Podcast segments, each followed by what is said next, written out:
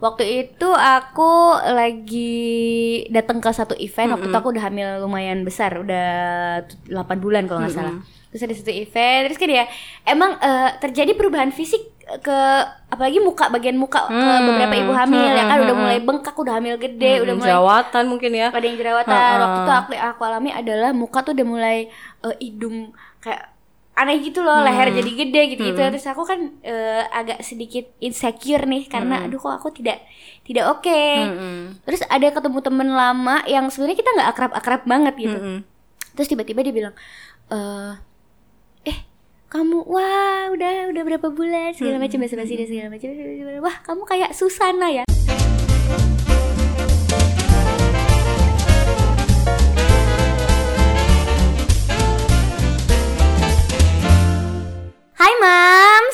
Lagi di Moms Talk, podcast dari Mama untuk Mama. Kali ini kita kedatangan Mbak Bibah sebagai dia adalah seorang psikolog klinis benar ya? Yes, betul. Apa itu psikolog klinis Mbak Bibah? Boleh Oke. dijelaskan sedikit? Sebenarnya kalau basicnya sih sama ya Mbak ya. Kita belajar psikologi hanya saja memang settingnya beda. Oh gitu. Jadi kalau di tempat saya belajar dulu, psikologi itu dibagi jadi tiga. Yang pertama psikologi klinis, kemudian psikologi pendidikan dan psikologi organisasi dan Oke. industri. Oke.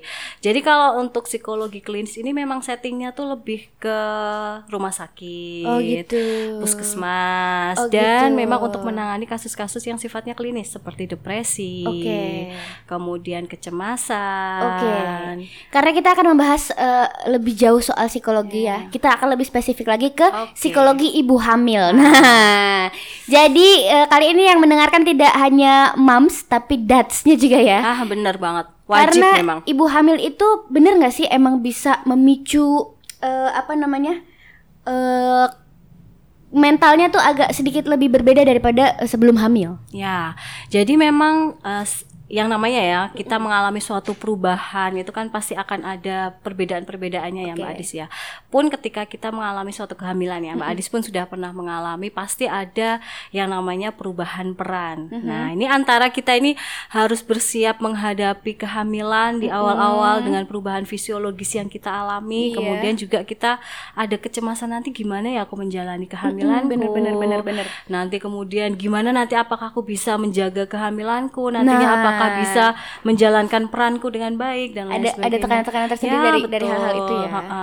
Maka dari situlah kemudian pasti akan mempengaruhi juga dengan kondisi psikologi seorang ibu. Oh, gitu. Pun juga secara fisiologis hormon-hormon yang uh, ketika kita hamil pun juga ada perubahan gitu. Jadi pasti juga akan berpengaruh ke kondisi psikologis. Karena juga. katanya tadi kalau aku udah ngobrol colongan nih sama eh, Mbak Biba tadi hormon estrogen itu meningkat ya kayak kita Ya. ibu-ibu eh, bapak-bapak di rumah ya kalau misalnya ibu-ibu kalau lagi mens itu biasanya jadi auto monster Ya, kadang-kadang senggol, senggol emosi gitu ya. iya kan karena badan juga rasanya nggak Mm-mm. enak Ya, betul. terus ada hormon yang bertambah juga nah ditambah lagi kalau hamil si hormon ini berkali-kali lipat benar Ah, ah, begitu ya Bener.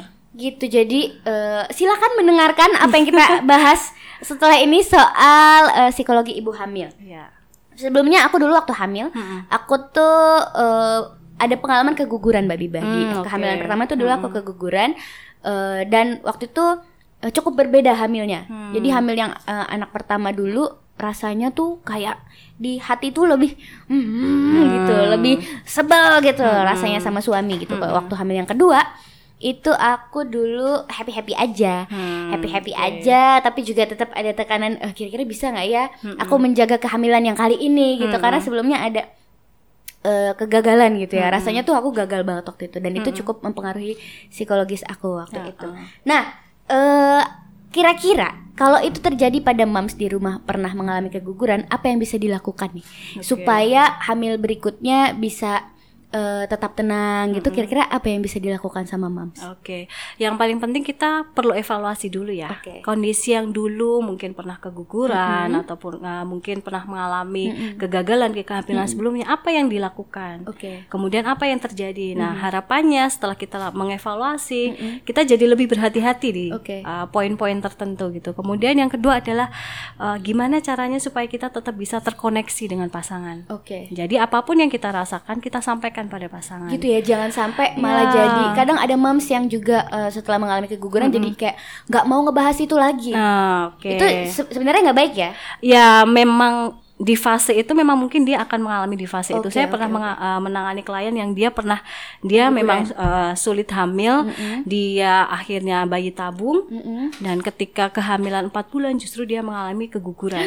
Ah, udah bisa Oke, dibayangkan ya dia oke. perjuangan untuk bisa hamil aja sangat luar biasa. Secara finansial juga, secara psikologis juga akhirnya keguguran. Dan di situ dia bilang saya sepertinya butuh waktu dulu deh untuk menstabilkan emosi. Oke. ya nggak apa-apa karena memang itu hal yang wajar ya ketika kita mengalami suatu hal yang tidak menyenangkan apalagi berkaitan dengan kehamilan itu Oke. pasti akan ada fase downnya fase down itu biasanya di- dihadapi masing-masing moms dengan cara Ya, yang berbeda betul, betul gitu ya betul kadang-kadang ada yang aduh aku nggak pengen bahas dulu sampai di Uh-uh. eh, jangka waktu tertentu Iya, mungkin betul. udah agak sedikit mereda baru akhirnya ber- terbuka sama suami Ya, gitu betul. kali ya Jadi memang setiap orang pasti akan mengalami fase itu. Hanya saja kita mau membiarkan saja atau mau mengelolanya. Nah, Oh, itu yang oke. yang menjadi titik bedanya di situ. Jangan sampai aduh aku lagi down banget sih. Ya udah deh nanti biarkan waktu yang menyembuhkan. Lah Oke. waktunya nyampe kapan? Jangan Oh, sampai gitu. seperti itu. tapi Jadi nggak di- nggak bisa ditarget juga sebenarnya Iya.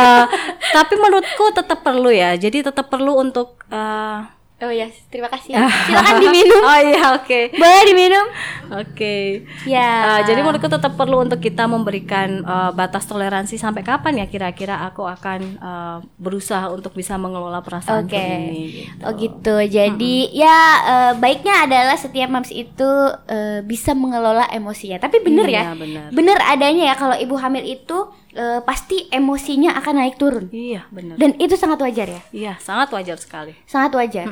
Se wajar apa? Sampai Oke. mana bisa dibilang tidak wajar lagi? Oke, dibilang nggak wajar ketika sampai mengganggu interaksi dengan orang lain. Misalnya Misalnya udah marah-marah terus sampai dia mungkin uh, sama suami jadi sensi, jadi nggak mau membangun interaksi dengan suami, atau mungkin saking sensitifnya dengan mungkin mertua ya, kadangkala kita uh, crashnya sering kali ya dengan karena bukan keluarga yang udah tahu kita dari Iya kecil. betul. Kadangkala kita uh, terpakunya di situ, masalahnya di situ. Nah, sampai mengganggu interaksi dengan orang lain, kemudian sampai mengganggu aktivitas sehari-hari. Oke. Misalnya uh, ibu yang bekerja ketika hamil, saking sensitifnya sih sama teman kantornya, ah, ya udah deh aku nggak usah masuk kerja hari ini. Nah, kan otomatis Ganggu ya. Iya, sangat mengganggu aktivitas dan itu nggak bisa dibiarkan. Oke. Seperti itu. Jadi, itu kalau udah kayak gitu Mm-mm. tidak tidak wajar dan sebaiknya lebih bisa dikelola lagi ya gitu ya. dikelolanya lebih uh, kuat lagi dan kalau misalnya memang dari diri sendiri merasa kurang bisa menangani perlu datang untuk bantuan profesional Oh gitu bantuan profesional itu. seperti Ya, ke pergi ke psikiater, psikiater psikolog, atau dan psikolog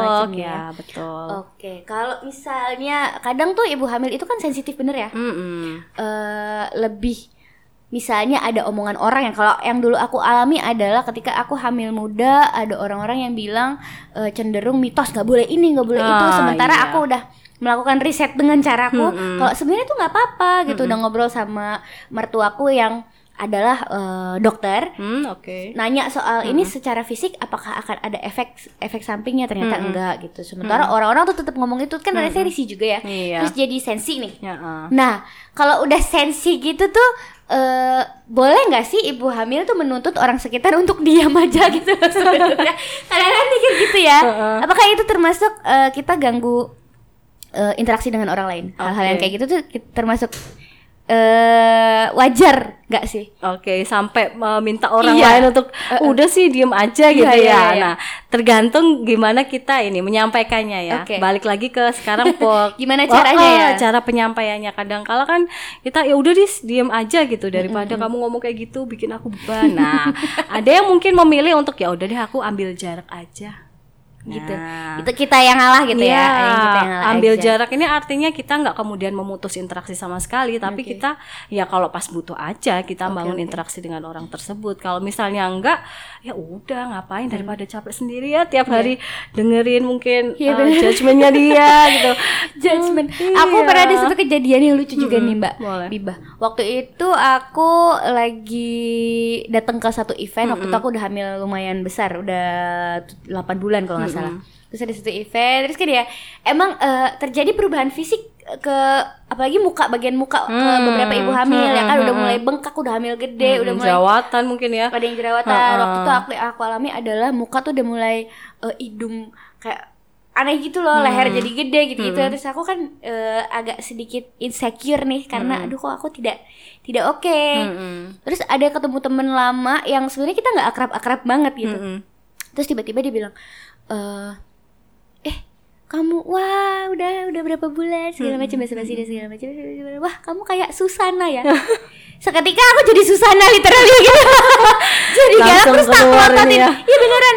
Kamu kalau misalnya mau eh mau ngomong yang enak-enak aja. Aku Hmm, bilang gitu. oke. akhirnya orang itu oh ya sorry sorry oke.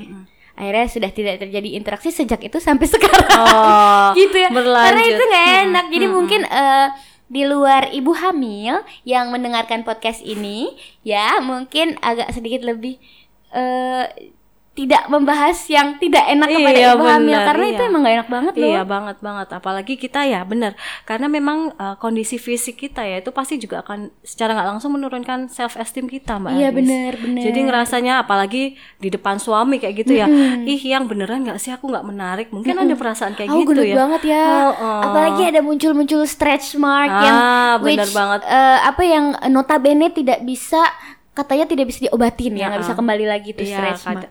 Nggak bisa instan gitu ya hilangnya. bisa. Eh, bisa, tapi ya butuh, Butuh sangat proses. banyak Iya, betul proses, sekali.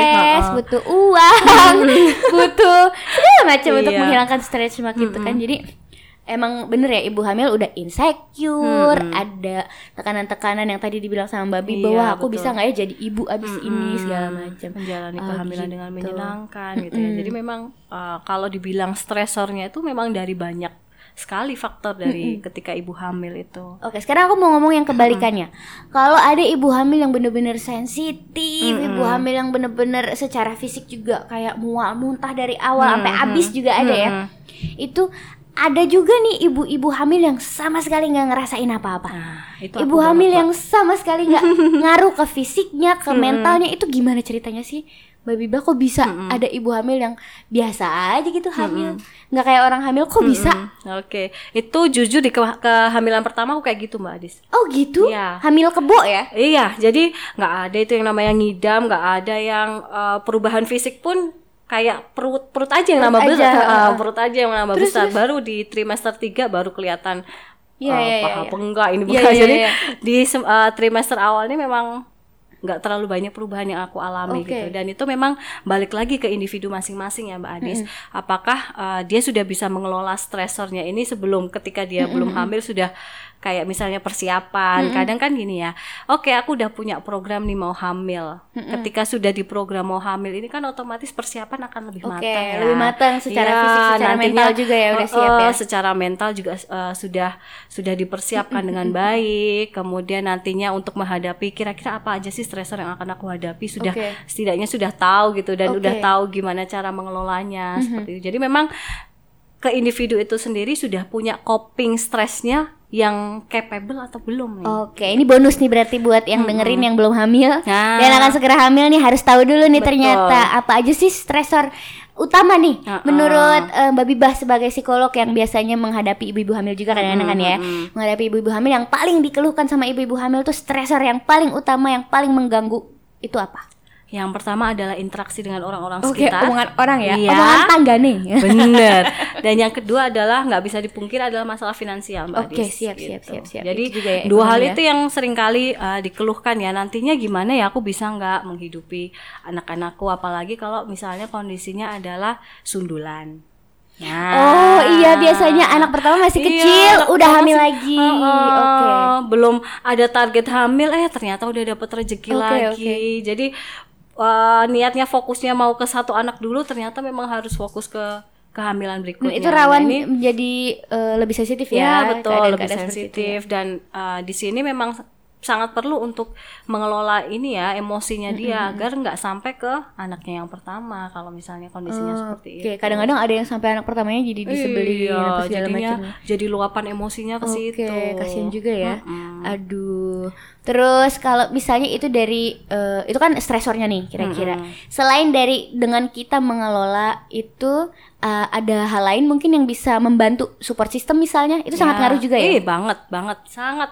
Jadi support system yang paling utama memang adalah pasangan ya. Oke. Ya, Pertama jadi- suami dulu ya. Iya berarti betul ya? pasangan suami. Kemudian yang kedua adalah orang-orang yang sering berinteraksi dengan ibu hamil itu entah mertua atau mungkin ibu kandung, Teman kantor mungkin- juga Nah, teman kantor kalau misalnya bekerja ya. Jadi memang uh, support system ini harapannya bisa mengkondisikan supaya bisa terus mensupport kondisi ibu hamil ini. Jangan sampai kemudian malah nambah-nambah stresor apalagi kalau di tempat kerja ya udah kita Iya, iya. beban kerjanya berat ditambah temen yang rese aduh rasanya tuh udah tambah ini ya Iya, saya udah campur-campur ya, udah jadi makin ingin meluapkan ya, meledak-ledak gitu rasanya, di dalam udah, ya. Ih, nahan Iya gitu benar, ya. makanya support system itu sangat berpengaruh ya. Meskipun kadang-kadang melegakan juga kita dengar eh, hari ini misalnya ada omongan eh, netizen, Hmm. apalagi Instagram ya sekarang. Iya. Kadang-kadang ada aja yang orang komen eh, nggak enak gitu. Kadang-kadang ada yang komen, terus kita cerita nih sama suami atau sama ibu atau sama bapak orang terdekat. Dia cerita "Oh, tadi si itu ngomong kayak gini. Terus kalau misalnya si support sys- system ini eh, berbicara hal yang tepat dan enak didengar itu bener-bener kayak bisa bikin Iya, kita nggak jadi marah Iya, betul. bener gak sih Mm, mm, mm. kita di- ditanggapi dengan cara yang benar gitu itu iya. juga bisa bikin kita jadi lebih tenang lebih bisa mengelola emosi dan eh, mungkin kalau aku dulu eh, Mbak Biba selain aku eh, apa bergantung bukan bergantung juga ya cuma mendekati orang-orang yang lebih sefrekuensi gitu Iya, ya. positive vibes ya. mm, ya selain itu aku eh, memilih untuk yoga waktu itu. Oke, betul. kayak belajar meditasi, baca buku, buku. Karena menurut aku semua itu bisa eh, terbantu dengan adanya pengetahuan. Betul. Jadi betul banget. dengan kita tahu bagaimana nanti kita akan melahirkan misalnya, kita mau pilih pakai cara apa, terus bagaimana nanti caranya melahirkan yang enak, yang tidak minim rasa sakit Ya. segala macam tuh kayak lebih menenangkan dan Mm. jauh lebih siap. Bener kata Mbak Biba tadi, semakin kita siap tuh kayak semakin emosinya stabil. Betul. Gitu nggak sih? Mm-mm. Bisa ya baca buku. Betul. Dan apalagi sih yang bisa dilakukan ibu hamil Ya, ah. untuk eh, lebih mengelola emosinya. emosinya. Sama kayak tadi yang Mbak Adis bilang, Mbak Adis sering melakukan yoga ya, meditasi. Sama pun ketika dulu saya praktek di puskesmas di, eh, di Jogja gitu ya. Setiap kali ada konsultasi ibu hamil. Jadi gini Mbak, di boleh ya sebut ini ya, Iya, sebut daerah. Jadi di Yogyakarta ini setiap si eh, setiap puskesmas itu sudah pasti ada psikolog. Oke. Dan setiap ibu hamil yang periksa ke puskesmas sudah pasti akan dirujuk ke psikolog. Oh gitu. Iya, karena memang sangat penting sekali untuk menjaga. Jadi ibu hamil ini nggak cuma fisiknya aja yang perlu dijaga, tapi kondisi mentalnya Iya, perlu benar, dijaga. benar. Jadi setiap kali mereka kontrol, mereka tetap harus diwajibkan ke Oke ke eh, psikolog iya, ya. ke polipsikologi dan setiap Ngobrol. kali eh, eh, konseling itu saya selalu memberikan bekal relaksasi. Oh gitu. Nah, relaksasi ini kan hal yang uh, teknik pernafasan ya sebenarnya di yoga pun juga dipakai. Di, itu adalah teknik yang sangat mudah dilakukan dan kalau misalnya sudah rutin dilakukan jadi habits itu dalam kondisi apa pun bisa di Efektif ya? Iya, sangat Dan efektif. efektif banget bener memang nafas ini. Mm-mm.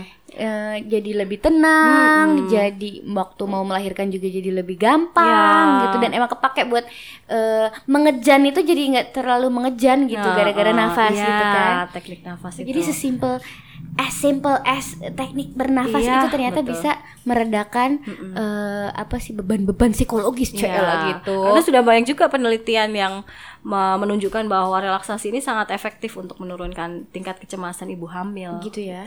Kalau misalnya nih sebelum eh, ini kan sebelum anaknya keluar nih kan kalau kalau keluar katanya ada yang namanya postpartum depression. Iya. Setelah melahirkan akan eh, kita eh, ada di lembaran baru yang ternyata selain lebih Jeng-jeng menyenangkan, gitu ya. ternyata lebih bisa menjadi momok juga Iya, gitu ya. betul. Itu bisa terjadi nggak sih ke ibu hamil? Maksudnya depresi itu bisa terjadi ke ibu hamil juga Bisa. dan Bisa, berpengaruh ke janin nggak?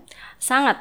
Oh, gitu Karena ya? gini ya, kalau ketika kita depresi, ketika kita stres, ketika kita cemas, ini kan hormon-hormonnya juga akan berubah Iya, ya benar, sistemnya ya. Pun juga ketika kita hamil, itu pun juga akan mempengaruhi ke asupan nutrisi anak gitu Bener janin. ya. Nah, Oh, iya bener ya. Dan biasanya uh, banyak penelitian juga menunjukkan bahwa ketika ibu didera depresi dan stres ketika hamil, janin ketika sudah lahir ini juga akan menunjukkan stres. Stres janin ini dalam bentuk ketika nangis jadi susah Oke, berhenti. detak jantung, Nah, detak jantungnya meningkat. meningkat ya. Kemudian mungkin jadi di dalam gerakannya juga berbeda seperti itu. Dan ketika lahir pun kadangkala manifestasi perilakunya jadi anak itu ketika nangis jadi ja- susah didiamkan. Oke, oke. Kemudian mungkin beberapa jadi nggak mau nenen dan bentuk-bentuk perilaku lainnya. Ternyata eh, mitos orang Jawa yang bilang kalau oh nanti kalau hamil-hamilnya sedih-sedih itu nanti anaknya jadi sedih terus loh gitu ternyata nggak sepenuhnya mitos Iya, ya betul. ternyata bener juga ya ada Iya, benernya ada juga benernya ya juga. Jadi memang sangat penting untuk menjaga kebahagiaan ibu hamil. Oh gitu ya, dan menjaga kebahagiaan. Bapak-bapak tolong disejahterakan ibu Iya, hamilnya.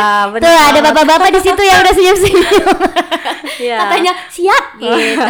Menyeda, meja- menyejahterakannya caranya gimana? Banyak macam-macam. Coba dibiarkan si ibu hamil ini me time, Hmm, betul. melakukan apa yang disuka, ya Betul. kan? Terus bisa juga dengan quality time. Ah, Karena nanti kalau anaknya udah lahir udah makin susah nih quality beda time berdua. lagi, iya, makanya ada yang namanya baby moon ya, Ya. Bibah.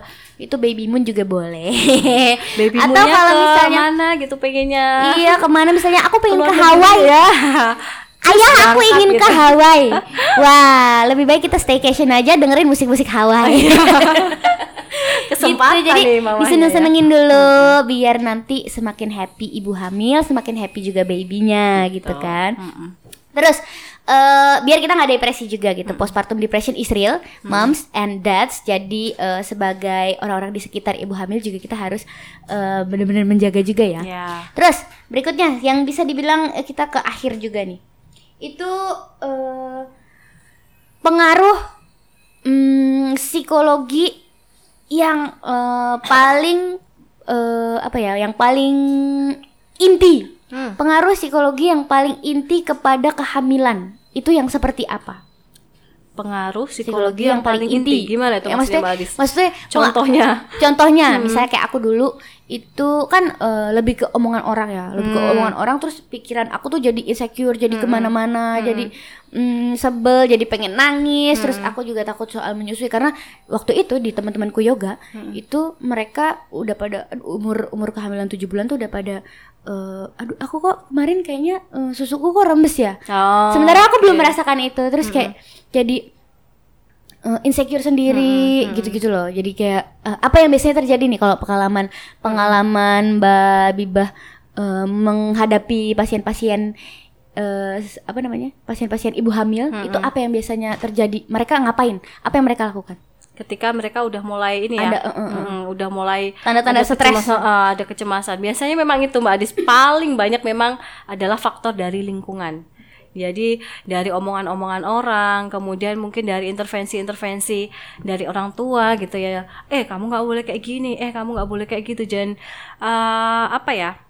Kayak pantangan-pantangan lain yang kemudian itu jadi membuat eh beneran nggak boleh ya? Jadi semakin meningkatkan kecemasan dari ibu hamil itu sendiri gitu. Apalagi kalau itu anak pertama di keluarga mungkin itu adalah cucu, Cucu pertama. Oh, benar itu kayak beban lebih ya. iya Cucu jadi pertama. ih beneran nggak boleh nggak ya? Eh ini beneran boleh apa nggak sih aku kayak gini ya? Jadi ada jadi semakin meningkatkan ini perasaan cemas di diri ibu hamil itu sendiri mbak Adis. Oke, kalau berarti Gitu. kalau boleh aku bilang eh, cara yang paling eh, mujarab Hmm. untuk menghadapi stres waktu hamil itu adalah dengan satu mengedukasi diri benar nggak sih? yes betul edukasi diri relaksasi, dan Relaksasi. bisa aku tambahin satu lagi adalah positif self talk Positif self talk Ya. kayak semacam afirmasi positif Ya, ke dalam betul, diri sendiri. betul. Jadi kita berikan afirmasi positif ke diri kita sendiri. Oke, aku adalah ibu yang berdaya. Oke. Oke, aku adalah ibu yang bisa kok menjaga janinku. Oh gitu Nah, ya. jadi uh, positif perkataan-perkataan positif yaitu uh, yang itu akan men- menguatkan ya emosi positif kita. Jadi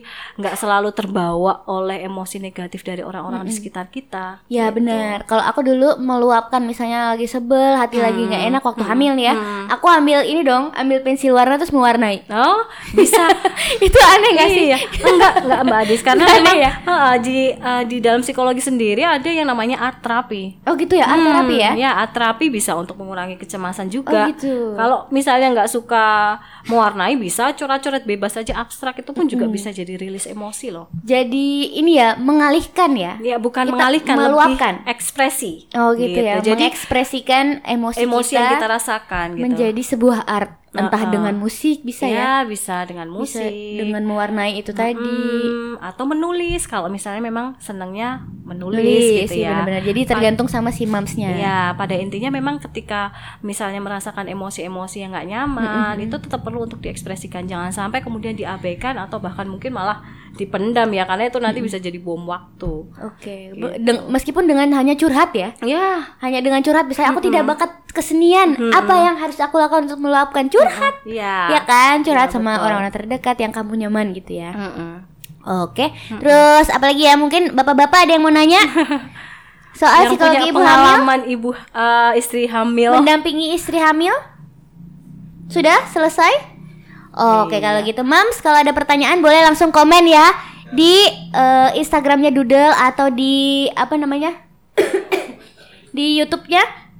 Langsung komen di bawah dan nanti kita akan berbicara lagi bareng-bareng sama Mbak Bibah di episode Yes. berikutnya.